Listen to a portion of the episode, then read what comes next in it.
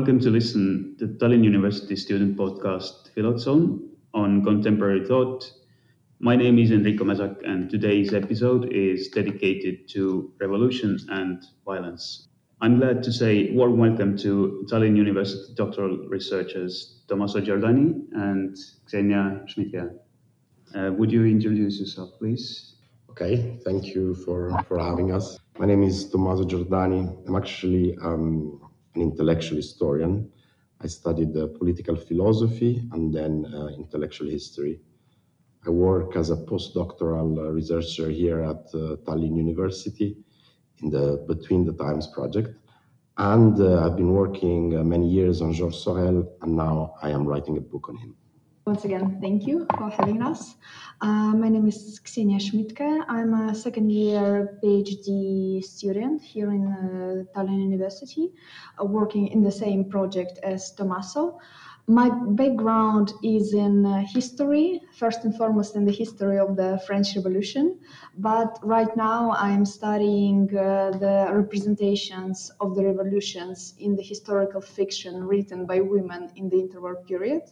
And the author of whom I will be speaking today, Stanisława Przybyszewska, she was for me a kind of a bridge between French Revolution and interwar period.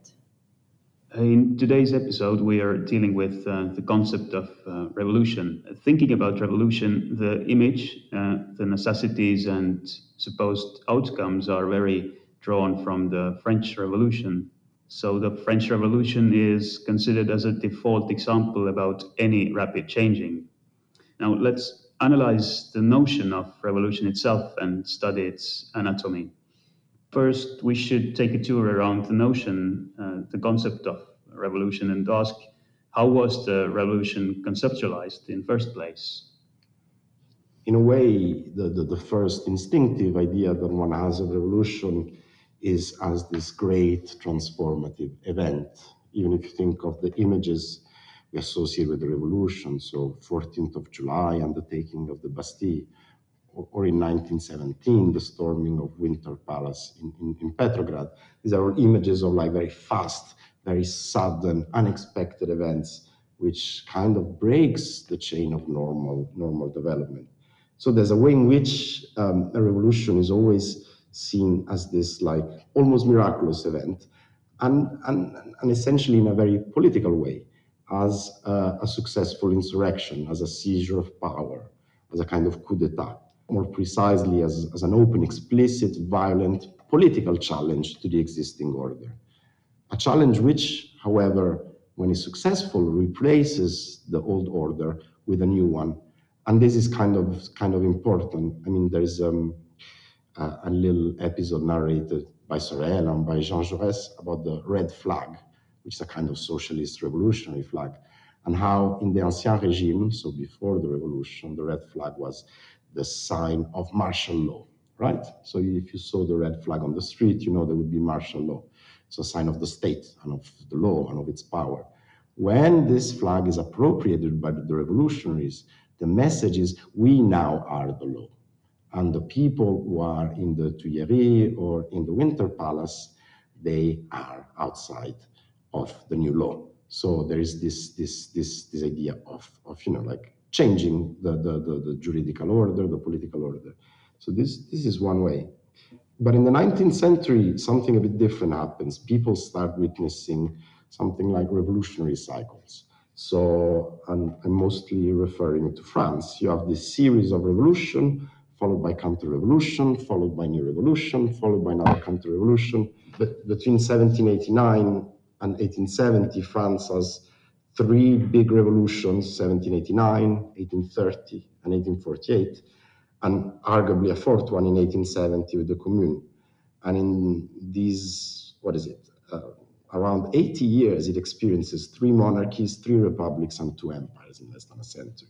So this gives to observers a kind of different idea of revolution, not as this kind of event which breaks historical necessity, but rather as, as a process or as a culmination of a process. So, this idea that history moves slowly and revolutions are kind of surface changes. An example of this is, for example, Alexis de Tocqueville's thesis in his book, L'Ancien Régime et la Révolution, where he basically makes the case that from a certain perspective, the French Revolution didn't change much, but just continued the work of centralization done by the kings. More poetically, there is the great enemy of the revolution, uh, Joseph de Maistre, which uh, really insists on this idea of the revolution as a kind of structural process and I'm quoting here, it has been correctly pointed out that the revolution leads men more than men lead it. So there is this alternative idea of revolution as something linked to a longer uh, structural process. So both as event and as process, I guess. So what were the counter arguments and, and opponent ideas of the revolution? I mean, the revolution, I mean, the French Revolution, if we're talking, generated massive amounts of opposition, not just from French royalists, but also from monarchies all over Europe, preoccupied that this experiment was going to spread to their countries, as it then did. I mean, the standard line, one of the most common line of argument against the French Revolution takes issue with this idea of rights, uh, and more precisely with the idea of political society emerging out of a free contract, right? So the idea of humans as self possessing animals, which then enter into voluntary agreement to devolve their power to a certain authority. This was one of the things which was most criticized.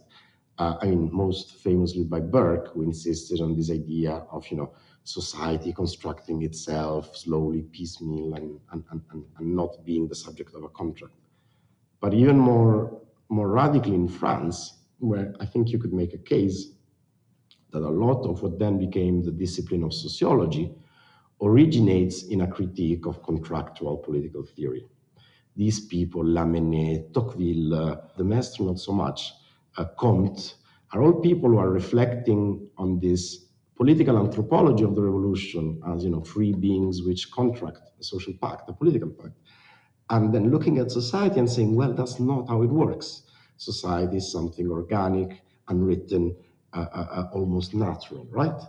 Uh, and from this line of reflection, which was originally anti revolutionary, then over a century grows the discipline of sociology. So that, that's, that's always something which is interesting to remark.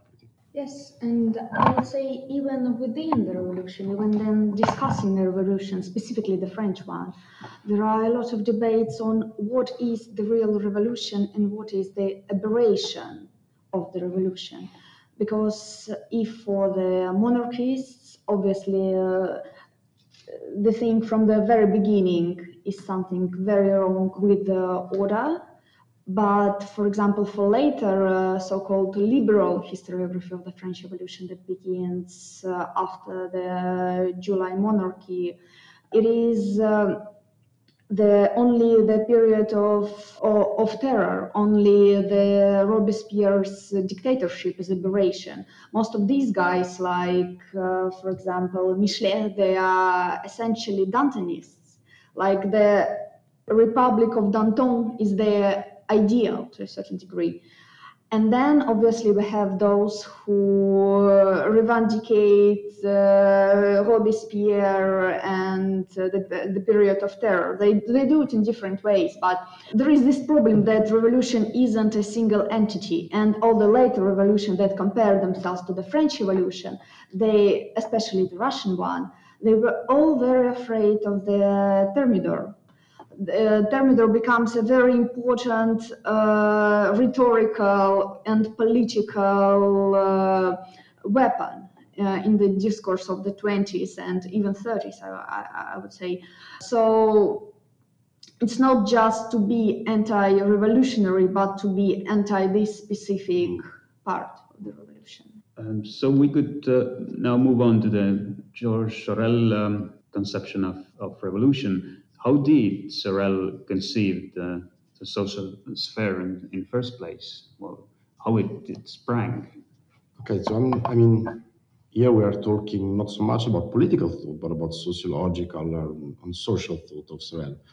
For Sorel, the whole disc, the whole study of the social sphere of the human world comes from a preoccupation with epistemology and, and science.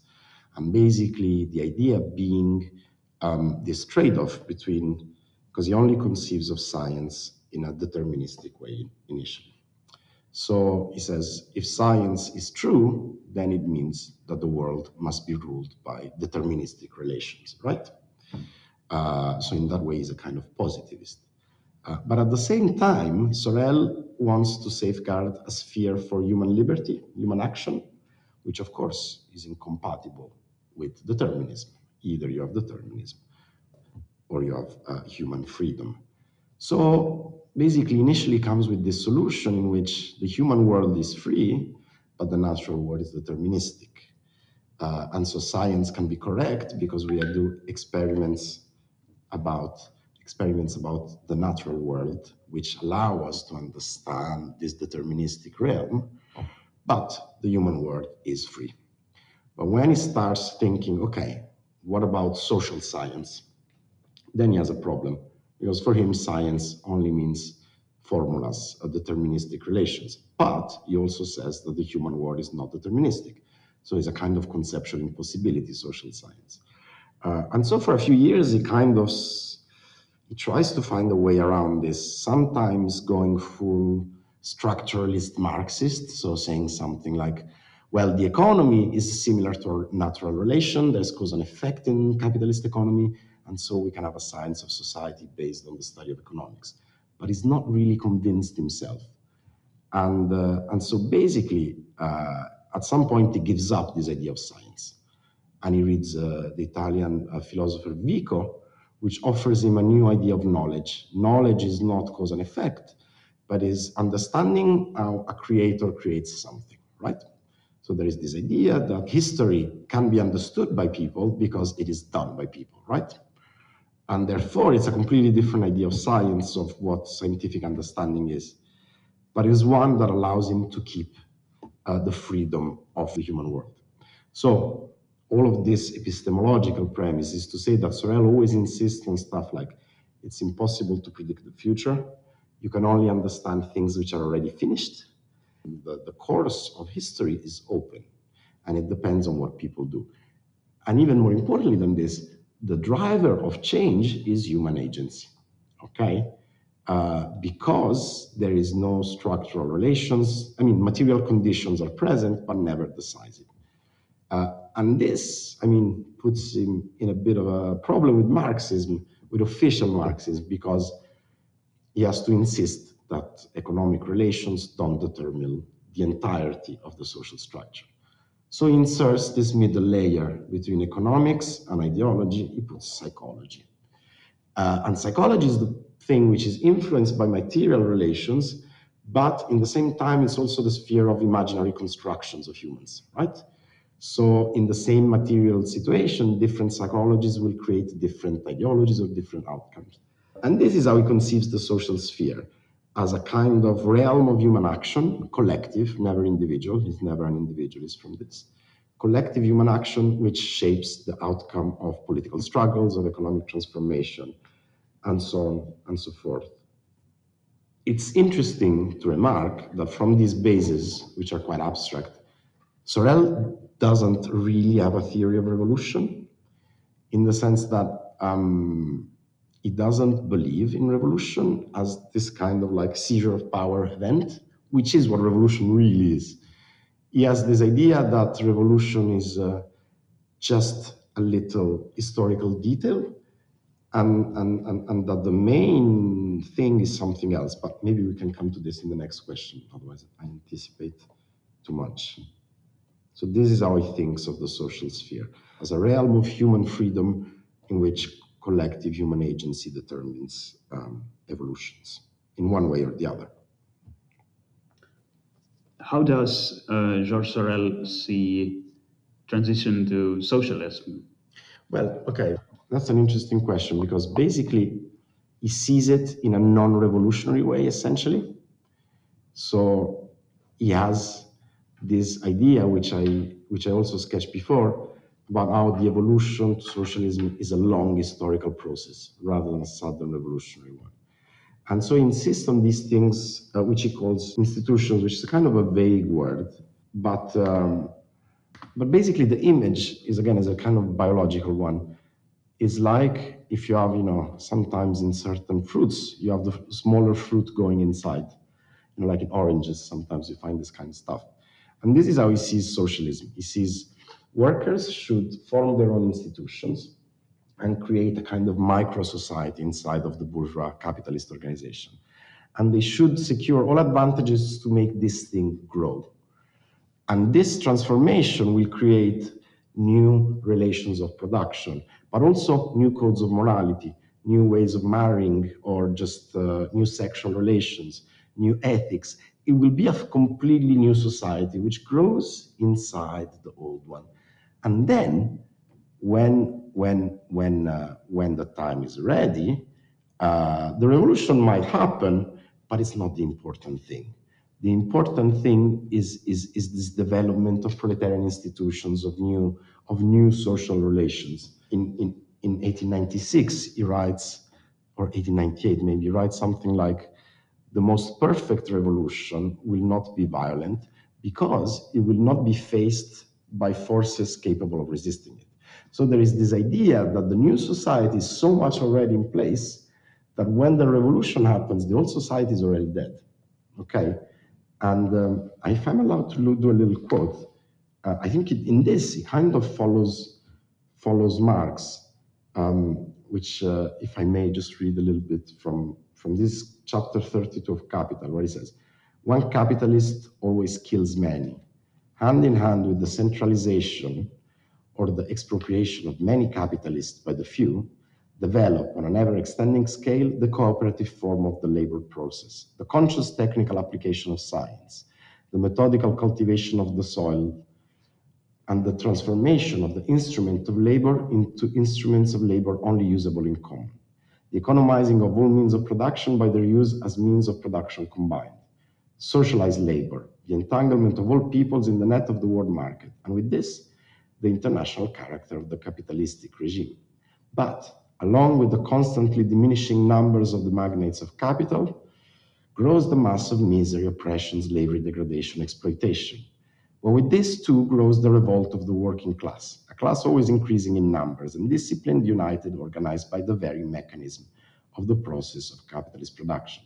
The monopoly of capital becomes a fetter upon the mode of production Centralization of the means of production and socialization of labor at last, at last reach the point where they become incompatible with their capitalist integument. The integument is burst asunder, the expropriators are expropriated. So there is this idea that, like, as capitalism develops, it creates communism within it. That the bigger the productive machinery grows, the more it's impossible to run it on a personal basis. And it's a kind of same logic, right? A kind of long structural process in which the revolution is not very present, definitely not in Sorel. And, and we'll speak a bit uh, about that uh, uh, later when, when, when, we speak about his memories of the French Revolution, well, no memories, his views. And so it is basically a process of proletarian uh, institutional development, um, something which is slow, and, and depends on the like daily growth of trade unions, which are not just instruments to bargain for a better wage, but they're like cells of a new social organism. Um, this is Sorel in 1896 six, speaking of the conditions for socialism. He says, It has often been objected to socialists that the proletarian revolution will be obliged to follow the ancient law and take the ferocious character of a war of extermination, which will compromise European civilization. This reproach would be well founded if the proletariat was an exalted mass maddened by idealist preaching. But this is not how it will be, because the first condition of the future revolution is the development in the proletariat of the consciousness of its historical role. So the idea that the working class understands the historical role, so a kind of question of class consciousness first. The second condition is that the organization of labor by large industry be so adapted to the needs and conditions of collective production that economic realities will constitute the bridge. So again, same ideas in Marx, a kind of expansion of capitalism in a certain direction whereby it doesn't take much to collectivize these large businesses. And, and finally, he says social hierarchies must be no more than shallows, by which I think he means Uh, there must be a process of political polarization, where you have the capitalist on one side and the working class on the other. But even though this constitutes a kind of, you know, good setup for a revolutionary moment, it's clear that where his thinking is, is much more on the long, slow structural process. Capitalism must develop, the proletariat must have a certain ideology, political cleavages must be in such and such a way, so that he doesn't really speak of the revolution. He speaks of an historical process of transition to socialism, which could take centuries. So it's now a good opportunity to um, to speak about uh, Sorel's idea about uh, violence. How does the violence uh, rise from the welfare state, or how does it come in the in the picture at all? Okay, this is a bit of a long story, but I'll try to keep it short and clear. So essentially, the stuff which I've been saying before about he has this very gradualist view of the revolution means also that like politically this doesn't say much, right? Doesn't give you a strategy. It's more of a kind of social conception than a really political one. So for a little bit, is actually is in favor of parliament, blah blah blah. Um, but this entire uh, uh, uh, thought depends on one thing, which is the idea that as capitalism develops, social and political polarization develop accordingly, uh, which is like a basic tenets of Marxian Marxist thinking at the time. So the more we produce, the more we use nature for the satisfaction of our goods, the more we establish long commercial lines and integrate the world into this bourgeois capitalist system, the more society will be polarized into fewer and fewer capitalists and larger and larger groups of people who do not own the means of production. And these people will be further politicized uh, by a revolutionary party or by the dynamic, social dynamics itself, until the situation which we sketched before happens. Until you have such an imbalanced society, the revolution kind of happens automatically. And this is what Sorel is thinking uh, until the early 1900s. But then a few things happen uh, which make him change his mind. Uh, there is a big political crisis in France which determines an alliance of socialists and Republicans. It's called the Affaire Dreyfus. Plus, he starts to reflect on new economic phenomena, and he comes at a conclusion to which also Bernstein had arrived, which capitalism is evolving without creating social polarization. Okay? And, and this is where the welfare state comes in. Because uh, the welfare state or kind of welfarist ideologies is that move at the 1890s, 1900, whereby class hostility is diffused into national solidarity. Uh, whether this national solidarity is very fascistic and nationalistic, or whether it's very liberal and universalistic, doesn't really change much because in both cases there is really a diffusion of, of class struggle. And this is what Sorel sees and is quite correct in that. Uh, in France, the version of the welfare state you get is very liberal and republican and not very statist even. And at the time Sorel is writing, we are talking more about ideologies and, and discourses of social peace rather than like very strong measures. Although there are a bunch of social laws which are passed uh, and so there is also something at the legislative level. But mostly, mostly what you get is like a big rhetoric of social peace in the Republican key, often copying what Catholics of two generations before were saying, you know, this kind of Catholic anti-capitalism insisting on the importance of community or something like the business owner must be like a father to his employees. So he has rights, but also duties. It's not just about freedom of business, right? This kind of stuff. And when Sorel sees this, he comes to the conclusion that the historical development uh, posited by Marx is not happening. And this for him is not such a problem because he never interpreted Marx deterministically. So for him, it's not a big deal that he got one thing wrong. For him, this is not, oh my God, Marx was wrong, like Bernstein does. But it is a problem politically because he says, wait, what is happening here is that the working class is being given this hug of death by the welfare state. Uh, and then he writes a lot about what he calls l'esprit petit bourgeois, like the kind of distinction which the upper ends of the working class get when they get included in the lower ends of the middle class and how this breaks class spirit, blah, blah, blah. And he doesn't really know what to do because he doesn't see a way out um, unless until he starts thinking about violence. And at first, he's not quite sure what to do with this. Uh, at first, it's a very vague idea, and this is 1905 in a book called Social Teachings of Contemporary Economics, which is not a very read book by Sorel, but it's a kind of prequel to Reflection on Violence, where he does this analysis of like capitalism is not evolving as it should. Uh, in that book, he just says maybe we should repay social peace with violence, but he's not quite sure because he still thinks violence doesn't give rise to institution, doesn't create new social relations, doesn't bring us forward to the revolution. But then he says maybe it doesn't, but it can still stop a certain development from solidifying. Okay, so this is the initial idea, which is quite vague. And then this gets reformulated more precisely into the reflection of violence, where basically um, mm, the argument is this: it's like we have this bourgeoisie which is not doing its duty of bourgeoisie, is is, is humanitarian, decadent, weak, pacifist, like, and then uses this kind of semi-fascistic language of weakness versus strength. Um, what socialism needs is a strong bourgeoisie that fulfills its historical role. How do we do this? We do this with the combination of violence and myth. So we create conflict with the bourgeoisie. Uh, and he's thinking about like strikes, essentially. Um, well, but these, and these conflicts will generate clashes and little amounts of violence. So they're not really so important objectively, but if these conflicts are lived, uh, narrated, experienced through the lens of a myth, which now is something which we could call an ideology, a narrative, a discourse, then this creates a kind of ideological effect. It creates group identity amongst the working class, right? So the metaphor it does is the analogies with the early Christians in the Roman Empire. And he argues that the early Christians were quite high up in the imperial scale. So they were judges and public officials. And he says, how could they maintain this Christian identity if they were like such in the middle of the Roman world?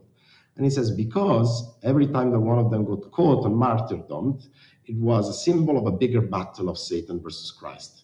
And this is the myth which creates group identity. But the idea of this is A, to preserve the class identity of the proletariat, and B, even more ambitious, to put the bourgeoisie back to work. Because the idea would be like, once the bourgeoisie understands that social peace doesn't work, then they will go for uh, go back to their normal role, which is class struggle, and this will reinstate the historical dynamic which will lead us to socialism.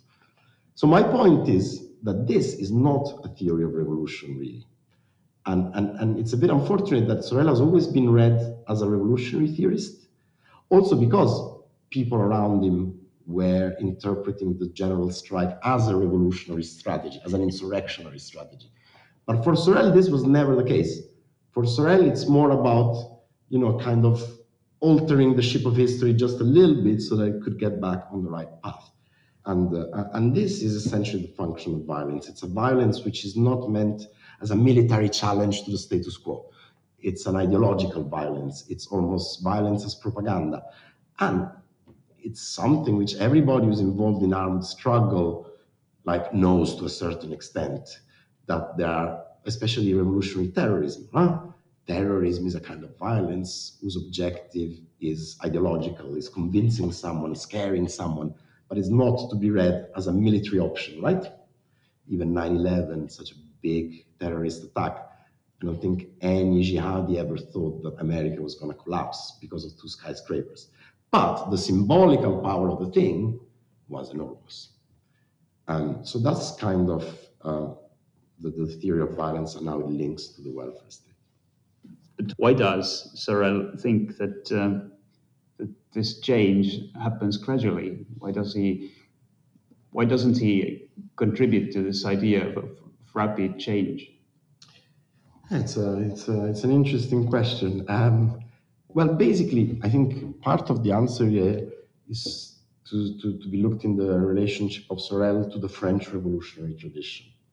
Because in general, the left in France embraces this tradition very strongly, right? Also because it's a victorious tradition eventually. Uh, but Sorel hates it. Sorel really hates it. And this betrays the fact that he comes from a kind of more conservative family or that he is not the standard man of the left. Uh, Sorel hates it because, and he's not very original in his hatred, what he says is mostly standard anti revolutionary tropes. He has this idea of first, the revolution is terror, right? Then he has a kind of epistemological argument against the revolutions, like who are the revolutionaries? They are those who are rationalists, they think of a plan and they apply it to reality.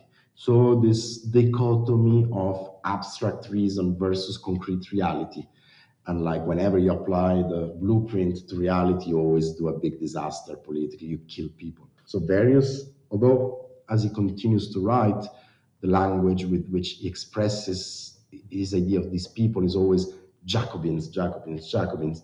There's a few other avatars that he has. At the beginning of his career, he calls the same thing Jesuit, and then, and eventually, even earlier, he had called it Platonist, right? So again, it's this standard anti counter-revolutionary idea of abstract individual reason is nothing. A real reason is embedded in social practices and, and, and in historical reality as its own reason, which no individual can ever understand, blah, blah, blah. And, uh, and, so, and so that's why he sees socialism as not essentially as a revolutionary thing.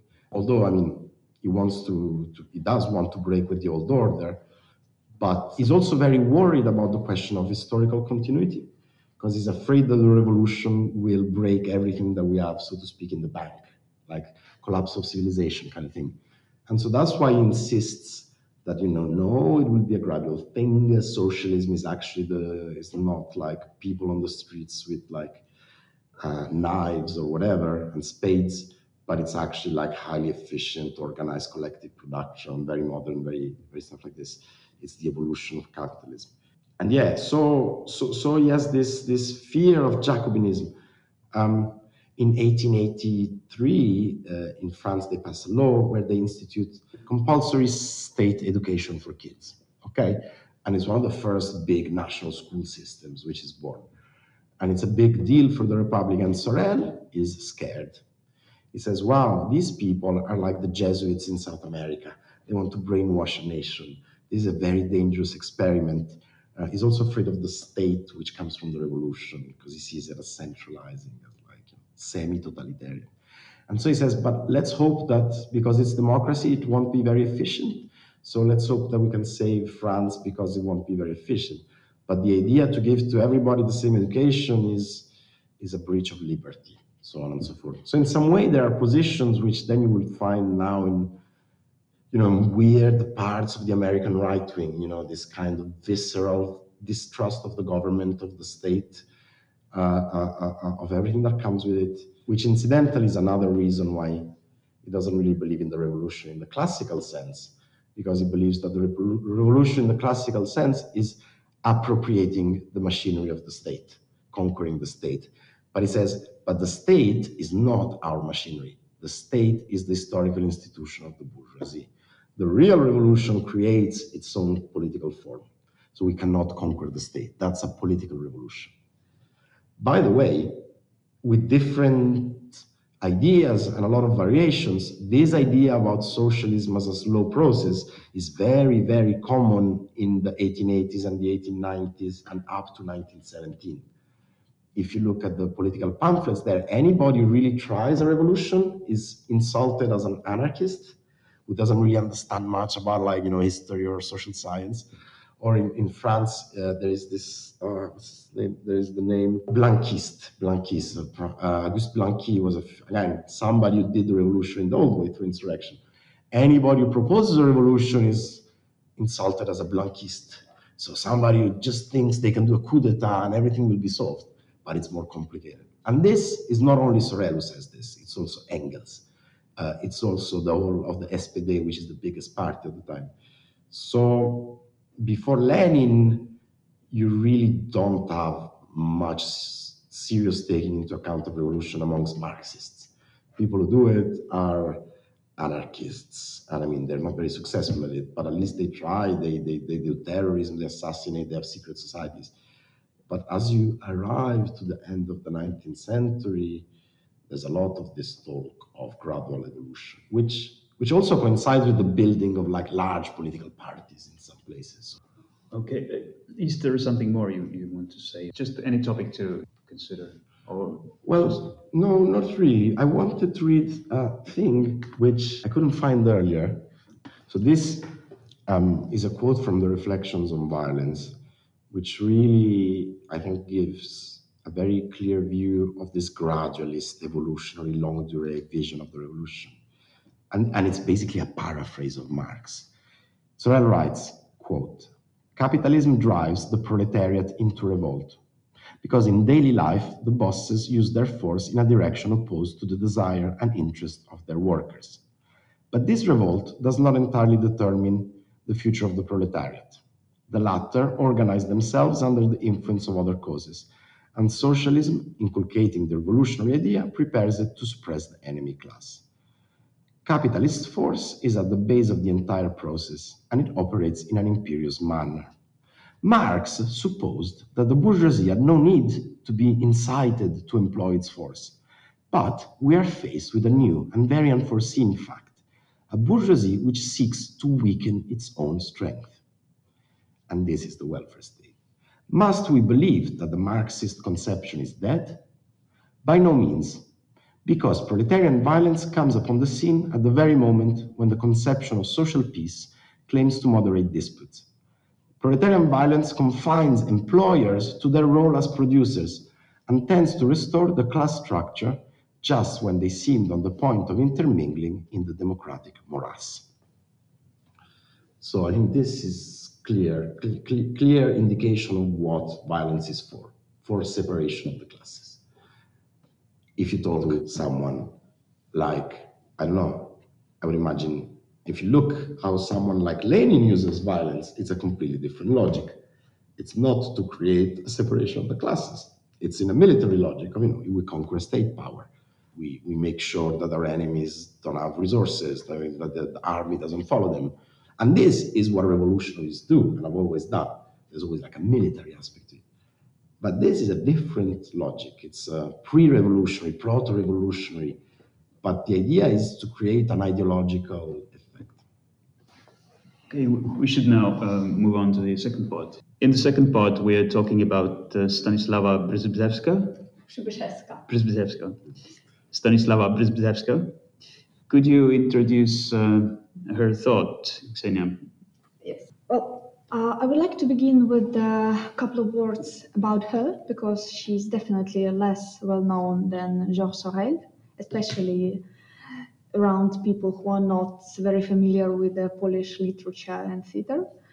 Uh, she's, uh, she was an illegitimate daughter of a very famous Polish modernist writer Stanisław Przybyszewski uh, and the painter Aniela Pająk, she traveled a lot in, in her life.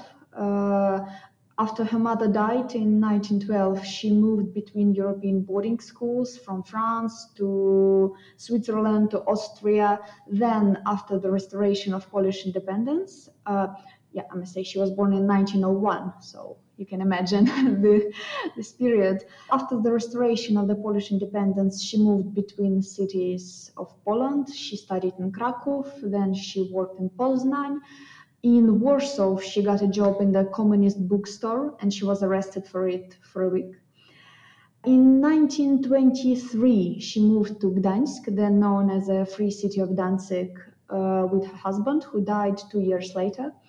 So she, essentially, she spent the rest of her life, which is until 1935. She died very quite early.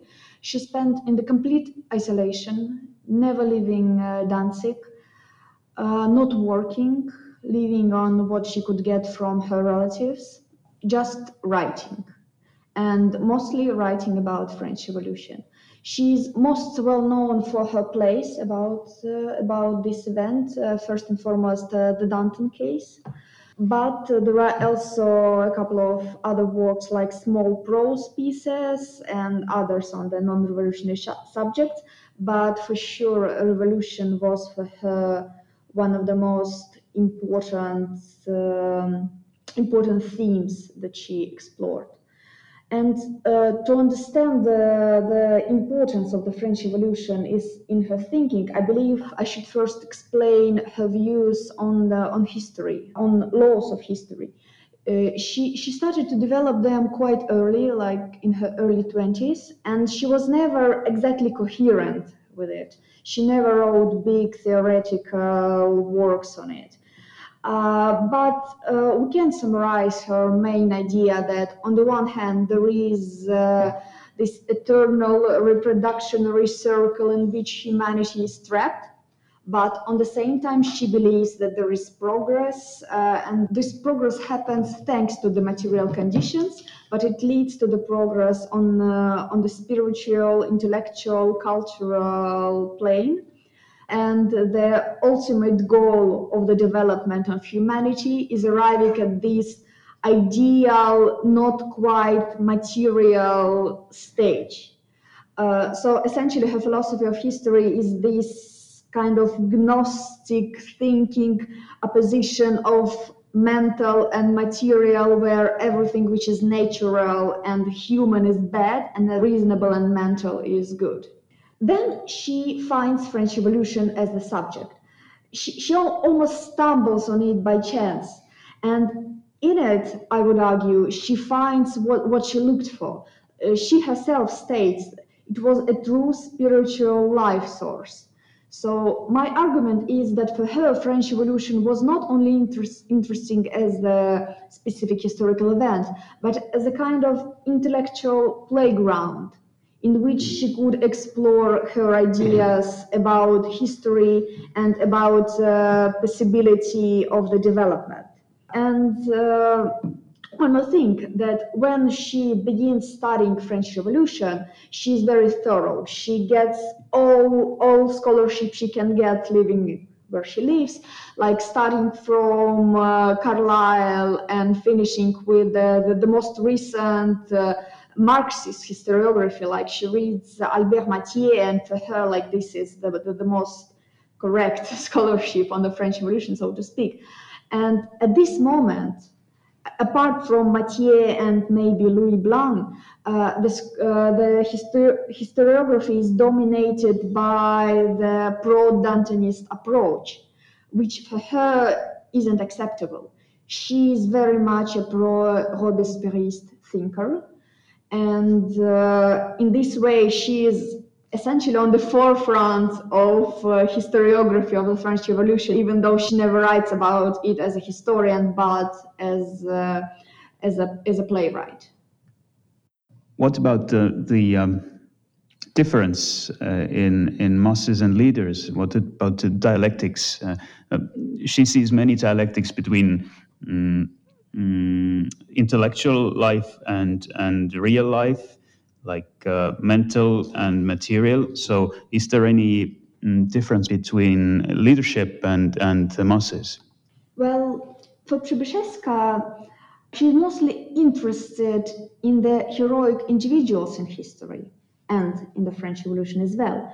But uh, when she analyzes the revolution, she very much underlines that this event uh, is impossible without communication between masses and what he co- what she calls uh, heroic individuals or geniuses. I will quote from her uh, article in which she explains how the revolution happens.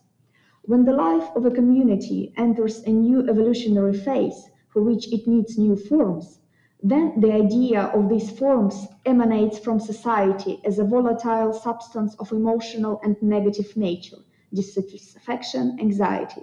Its density and tension are gradually increasing, while increasing the intensity of collective life.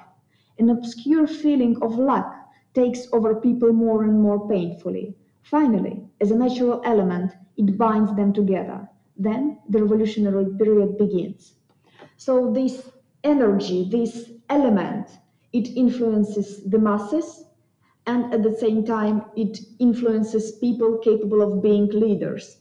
And this energy of revolution goes from masses to leaders, then leaders formulated as a specific goals and ideas and put this energy back to masses. And we have this circle of uh, uh, revolutionary vigor and readiness for action. But of course, it's not as easy as that, as history proves. And uh, both within uh, the, the mass and among the leaders, uh, the, there is this conflict of natural and uh, reasonable. Uh, uh, she at times uh, allows herself to be critical of this um, of this idea or, or rather stereotype of bloodthirsty masses of the French Revolution, but she tries uh, to underline how uh, reasonable the crowd can be, how she can act as a single mechanism uh, on, on, on, on the way to the common, uh, common good. But uh, they are still very much people with their passions and weaknesses. And with time, this unity breaks up and people start hate each other and hate their leaders. And this is the moment of the crisis of the revolution. But uh, genius individuals or leaders are also not uh, not always uh, safe from this uh, natural element. And this is uh, the conflict uh, that she explores in her most important play the Danton case. The conflict between Danton and Robespierre is essentially the conflict between nature and reason. Danton uh, is what she calls a renegade of the revolution. In him, this elemental energy yields to natural instincts and instead of being a creative power becomes a power of destruction and at the same time he uh, danton is much more likable uh, he's much closer to people uh, because he understands them and he knows what they want and he is capable of giving it to them or at least saying that he will give it to them but Robespierre, who is a true manifestation of the revolutionary spirit in the flesh, he can't uh, he can't produce this illusion of uh, of, of likability. In him, th- there is this reason which is very much r- repulsive to the people uh, because of its pureness and its rationality and its coldness so uh, Robespierre is uh, the manifestation of the revolution, but in the case of the French Revolution, it's he is its only hope. And when Robespierre falls, and he has to fall because he's still very much a man, he can't he can't go on for as long as for as long as it needs for the revolution to succeed. And when he falls, the revolution falls with him, and he falls because of uh, human nature prevailing around him. How does she um, mm, sees it or conceives it in in in her work? How does it spring up in her uh, play? Uh, Przybyszewska, she makes a point uh, that her in uh, Robespierre and Danton of her play, uh, of her plays in plural, they are not Danton and Robespierre of history. Uh, she says that she is a representative of such literary trend as idealism, which she opposes to realism in her thought.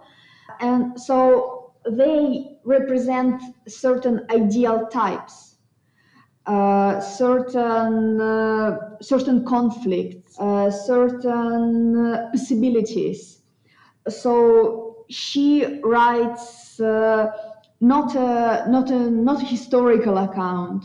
She writes an idealistic drama in a way. Like I, I, I would say that most of scholars who studied Przybyszewska they underline that her plays aren't really historical and neither they are political because Przybyszewska was manifestly apolitical it, may sound strange because she writes about a such inherently political topic, but she keeps on saying that I treat revolution in the way that is beyond politics, poza polityczny, uh, and uh, she, is not interested to support this or that party. She's merely interested in uh, proposing these ideas of uh, of human development, of reason to the public of her times.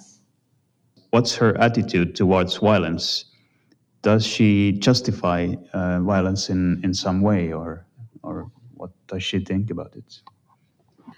Just as pretty much anything else in Przybyszewska's works, there are two dimensions to violence.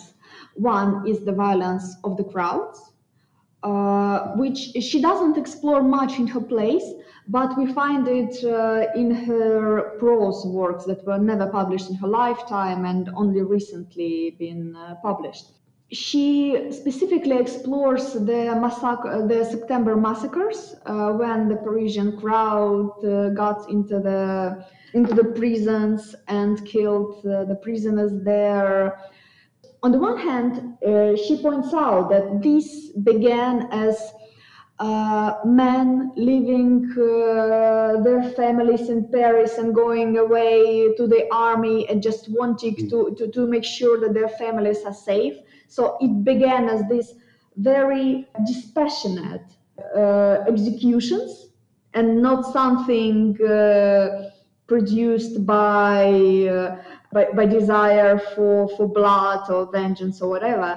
But then uh, the crowd uh, gets carried away, and we have these uh, explosions of violence and specifically in the one short story where she explores that she really connects uh, this mass violence with uh, with eroticism so for her it's all this natural element that gets its uh, most vivid manifestation uh, in the in moments like this when the when the crowd has all the power and it executes it in, in the way it uh, in the way they feel uh, yeah exactly in the way they feel uh, they should yeah. But then there is obviously the problem of uh, political violence violence executed by the state and here Przybyszewska is even more ambiguous.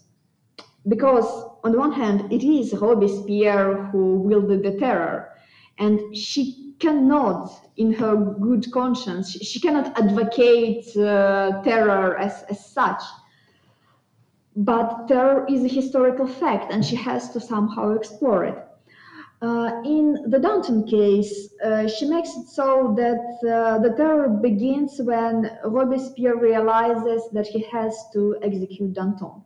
Initially, in her play, Dan, uh, Robespierre is, is reluctant to do so until the very last moment, until he realizes that Danton isn't simply one of his regular political opponents, but this another genius capable of leading people. Up until that moment, her Robespierre doesn't want to uh, execute him. He wants to get him uh, on his side. When he realizes that this is impossible and that Danton is dangerous to the revolution itself, Danton has to be executed. But not Danton alone, like all the Dantonists, including Robespierre's friend uh, Camille Desmoulins. And then there is conspiracy to free uh, Danton and his friends, and these people have to be executed as well. So the terror begins swinging and swinging and swinging, and by the end of the play, Robespierre realizes what they're getting themselves into, and he has almost a mental breakdown. He says that five years of the whole nation's bloody work goes to the devil, and he's wondering whose fault it is. It is nobody's fault, you blubbering idiot. We had to execute Danton, and now we must go on, even though from now on every step will, will move us farther away from our target. So terror becomes this not a mistake because it, it, wasn't a mistake. It was a choice made uh, by the political participants of the revolution. But at the same time it is a, a tragedy of the revolution. Uh, it is its problem. It is what in the end bring uh, brings it to its death. So, how can one write about terror without being either you know either dismissive of it or too judgmental uh, and here i would just like to quote one scholar eva Graczyk who, who put it very very nicely about just Przybyszewska's mindset in order to understand the singularity of Stanisława Przybyszewska's revolutionary place one must realize the extent of acceptance, of affirmation of the revolutionary reality contained in them. One must see that they belong as fully as possible to the revolutionary project, that they are written from a believer's perspective, that even showing the tragedy and cruelty of the revolution, they always advocate the necessity of its outbreak. This unmitigated affirmation of the revolution stems from the conviction that the evil of normal reality is so great that the revolution, even when it puts the very existence, the, life of the whole community at risk, is an absolute good. This absolute good is what not necessarily justifies, but what explains terror. Because in order to achieve this absolute good, one can do anything, and Robespierre does until the very last moment he has his doubts, but he still tries uh, to to achieve this uh, higher stage of development, not only for himself but for but for the masses. But here's where the problem of the revolution is for Przybyszewska. Przybyszewska's revolution is done for the people, but it is also done against people. Revolution is in its core anti-humanistic at least it's anti-human at this specific moment because humans aren't yet capable to accept it. And robespierre even even uh, asks himself at one point he asks himself uh, maybe what seems a defeat to us leaders of the revolution would it not in reality be salvation for the people because people just want to live their normal life and Danton understood it but Robespierre couldn't accept it because for him that would be a betrayal of the revolution betrayal of the ideal and he died for it and uh, are there any alternatives to uh, historical uh, conceptual uh, sense of revolution? Uh, i mean the, the concept of revolution as we know, uh, comes from the French uh, Revolution. Are there any alternatives from uh, from this echelon model? Well, for Przybyszewska, there is no alternative in terms of a model, but there is possibly an alternative uh, in terms how this model plays out. She obviously writes after and perhaps under some influence of the Russian Revolution. She admits not knowing much about it, uh, but she still insists that what little she knows allows her to conclude that uh, Russian Revolution is made uh, by the example of the French one, but in the given economical and social condition, it has a possibility to go further and maybe succeed like she, she always has doubts. And uh, at some point she stops reading newspapers because they fill her with dread and anxiety. But uh, she claims that the russian revolution is a horoscope for any future revolution after that that it doesn't only model itself after the french revolution but also proposes a, a kind of a blueprint for any possible uh, successor. And if the Russian Revolution fails, then any future revolution has uh, even less uh, chance of success. And uh, here I would like to briefly discuss her other work, uh, uh, the a short novel, possibly it could be called that, not finished, uh, it's called uh, na własnej skórze, uh, a pact on one's own skin. And this is a kind of a very bizarre, one could say dystopian, but it's not really a dystopia. Uh, it is set in the modern world, in the alternative Europe of let's say, 20s.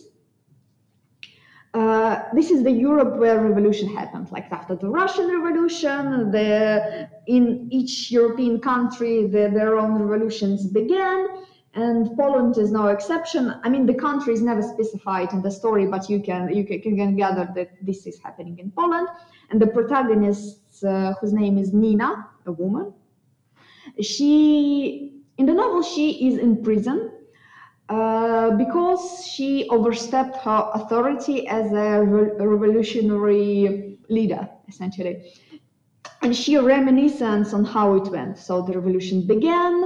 Uh, Nina suddenly got her like the, realized that this is what she is meant to do because she was very bored and tired of life before of life before it. Now she begins to participate in the revolution she organizes uh, this whole system of terror in her country, believing that the, it, it is necessary because there are conspiracies. And she claims her country to be like the country with the oldest conspiracy tradition in Europe. So one has to execute as many people as possible to keep the revolution going, even though in other countries at the same time, for example, in France, where there's also revolution happening, they stopped executing people and uh, it, it actually produces good results for them because their people are already uh, developed, mentally developed enough uh, to realize the good of the revolution. And they can allow themselves to, to not like execute what she calls new messiahs, but to laugh at them. And society laughs uh, with, with the state. But Nina keeps insisting that no, in our country it's not possible. We, we should be very strict. And at one point, she is arrested as for overstepping her authority. She's put in prison, and before she she is arrested, she gets a chance to meet her successor in in her position. And this man tells her that I will release as many prisoners as possible. I will not repeat your mistakes. The country needs just just just a break. And while sitting in the prison, Nina gets a newspaper and she's afraid to read it, but turns out that nothing bad happened after the, the terror stopped. Like there, there has been like a couple of, you know, a couple of small conspiracies, but that, that was it. Like people really chilled after the terror stopped. And she concludes that yes, we are now at this stage in our progress that we can uh, overcome this terror, that we can go through it and exit it on the other side and go on with our development. So Nina's personal thermidor, Nina is obviously modeled after Robespierre just in the modern conditions. Her thermidor, unlike the thermidor of Robespierre, it's not the thermidor of the revolution like she, she will die, but she will die happily knowing that revolution succeeds. And this is the model. Przybyszewska doesn't claim that this is possible in the current conditions. I mean, she, in fact, she never spoken about this particular work anywhere in her letters or whatever. We don't know what she thought about this work, but I believe that this is like this ideal that she suggested for, for the present day, not an alternative, but the possibility, the promise of, of the revolution in, in the present. So to wrap up, what what are the, the overlap between um, the thought of Georges Sorel and and Przybyszewska um, plays, and um, what can we conclude from this? Um, uh, what we have told so far. Um, I think that the first thing that comes to mind is more like a lot of differences and not much overlap. But I mean, I think the first thing to say is really that you can really see that Przybyszewska lives and grows up after 1917 and Sorel before. And Sorel speaks in a situation where there haven't been major upheavals since 1870 and there's a kind of like society in revolutionary hangover. Kind of France is a bit like this, and so there is a first a big avoidance of the theme of revolution and not much theorization. Whereas from what Xenia was saying, it's really clear. I mean, that Przybyszewska lives in the epoch of potential European revolution.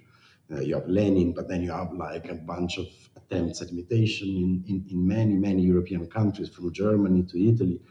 Um, I mean, in these two cases, it really doesn't go well. But I mean, in other cases, uh, Hungary, uh, and, and and you can really see that there is not many years separating the two. I mean, when is Przybyszewska born? Uh, 1901. Ah, okay, Sorel is 50 years young, older, so there is half a century between them. But Sorel writes in 1908 and Przybyszewska in the 20s, 30s, so it's not very distant. And yet, everything changes a lot. Like, there's definitely another tone. I mean, there's a reality of the revolution which is never there for Sorel. Um, as for the rest, I mean, I was doing this little scheme. Przybyszewska, laws of history. Sorel, human freedom.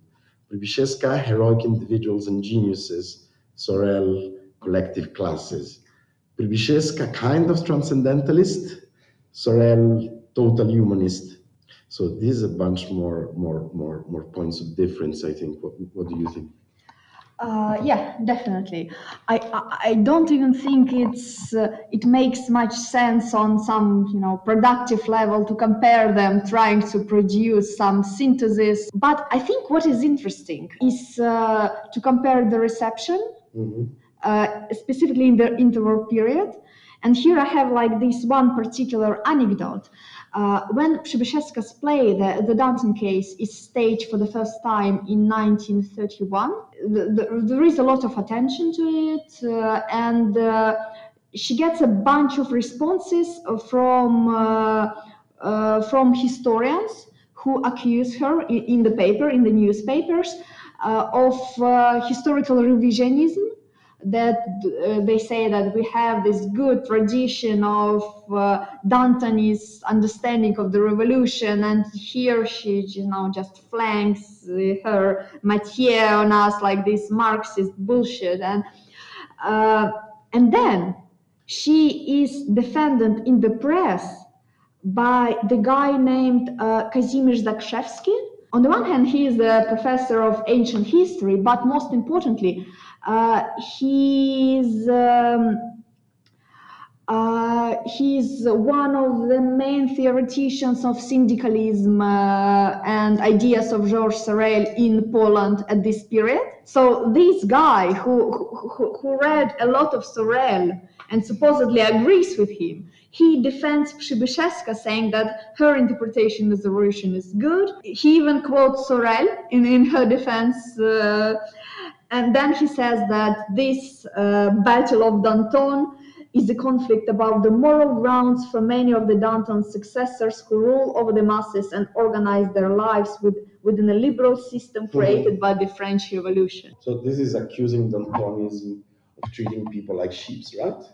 Uh, yes, yes, pre- pretty much so. It's like about this bourgeois decadence as well uh, against the ancient civism uh, of uh, Robespierre. Against Robespierre? Uh, no, uh, Or opposed to Robespierre? uh, like this uh, bourgeois liberal state against the age ancient uh, civism of Robespierre. Yeah. Yeah. yeah, yeah, yeah, yeah. Can you repeat it again? Like at some point, it's like it's going on a kind of tirade against Dantonism. Uh, yes. Uh, let me let me see. Uh, well, the, the quote goes like this uh, The great revolution carried out by the middle class that produced a declaration of human rights was the victory of liberalism, the triumph of new principles announced by physiocrats in economics and eliminating the state from the economic life, the liberation of the individual, acknowledging the hedonistic motives of his actions and attitude to the world. It was led by Girondists, then Dantonists, then men of Thermidor. Moral licentiousness after the fall of Robespierre was not, as it is claimed, only a reaction to the moral terrorism of the reign of virtue. It was held mm. back for some time in that state by the simple consequence of the unleashing of the individual by the liberal revolution with the simultaneous demise of old beliefs and old morals. At the same time, however, the revolutionary shock caused the renaissance of the ancient state, or, as Georges Sorel said, the ancient civism, that admirable subordination of the individual to the collective that was characteristic of the classical Greek republics. These two concepts had to clash with each other. In the end, Danton defeated Robespierre. Yeah, so his claim that in the Poland of the early 30s, the people who defend uh, this uh, pro Danton historiography are actually defending their political positions. Which is liberal individualism and hedonism. Yes, yeah. It's interesting. Mm.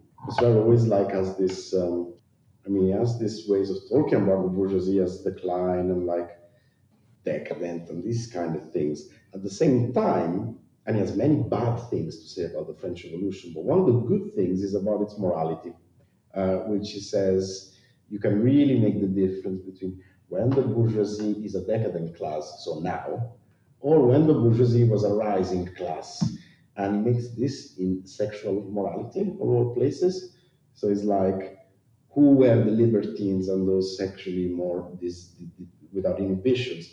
These were the decadent aristocrats at the time. But the revolutionary men and women were like, you know, saw their sexual reproduction as, as part of a bigger political cause, right? So they were like serious Sorel likes this. But look at the bourgeoisie a hundred years later, and all of this is gone, and therefore that's why it's the proletariat's turn. But to make a more general point, I think this, I mean, what strikes me most about Przybyszewska is these, these, these transcendentalist things these like semi-mystical things of the revolution, which I suspect might be forms of thought which people which go through important historical experiences are more likely to develop. In the sense that Sorel writes all this fire and brimstone theory, but lives in a very stable republican democratic context where nothing happens. When he speaks of violence, he speaks about, yeah, police charging with horses, which is horrible, but it's not what will happen in the First World War or even in 1917 in Russia. And, and, and, and so there is this attempt to, to, to, to imagine the psychology of classes which will change the social order. But then when it happens, it's very different. And like point in case, what Lenin does is exactly what Sorel says one shouldn't do, right?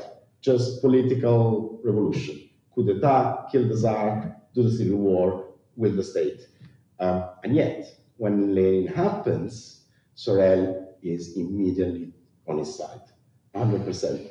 And people even mock him because saying, sorry, but this is exactly the opposite of what he said. And, and, and but he says it's not important. But actually, like a lot of people on the left, when Lenin happens, people of all that have been quarreling with each other for decades, suddenly they they all agree on like Lenin does it. Because there is like a power to doing the real thing. And like a century of theorization of socialist politics, and then suddenly somebody actually does it. People overlook really easily that is like it's not according to the theory or not according to what I said. Um, but there is really this force of the event which happened that like changes everything. And uh, and yeah. Uh, thank you, Tommaso and Xenia, for participating in the podcast. You were listening to the Tallinn University student podcast Philozone. In case you missed something or you want to listen once more, you can find the episode in the philozone.wordpress.com. You can also check the Philozone Facebook page for recent info. Thank you very much. Thank you.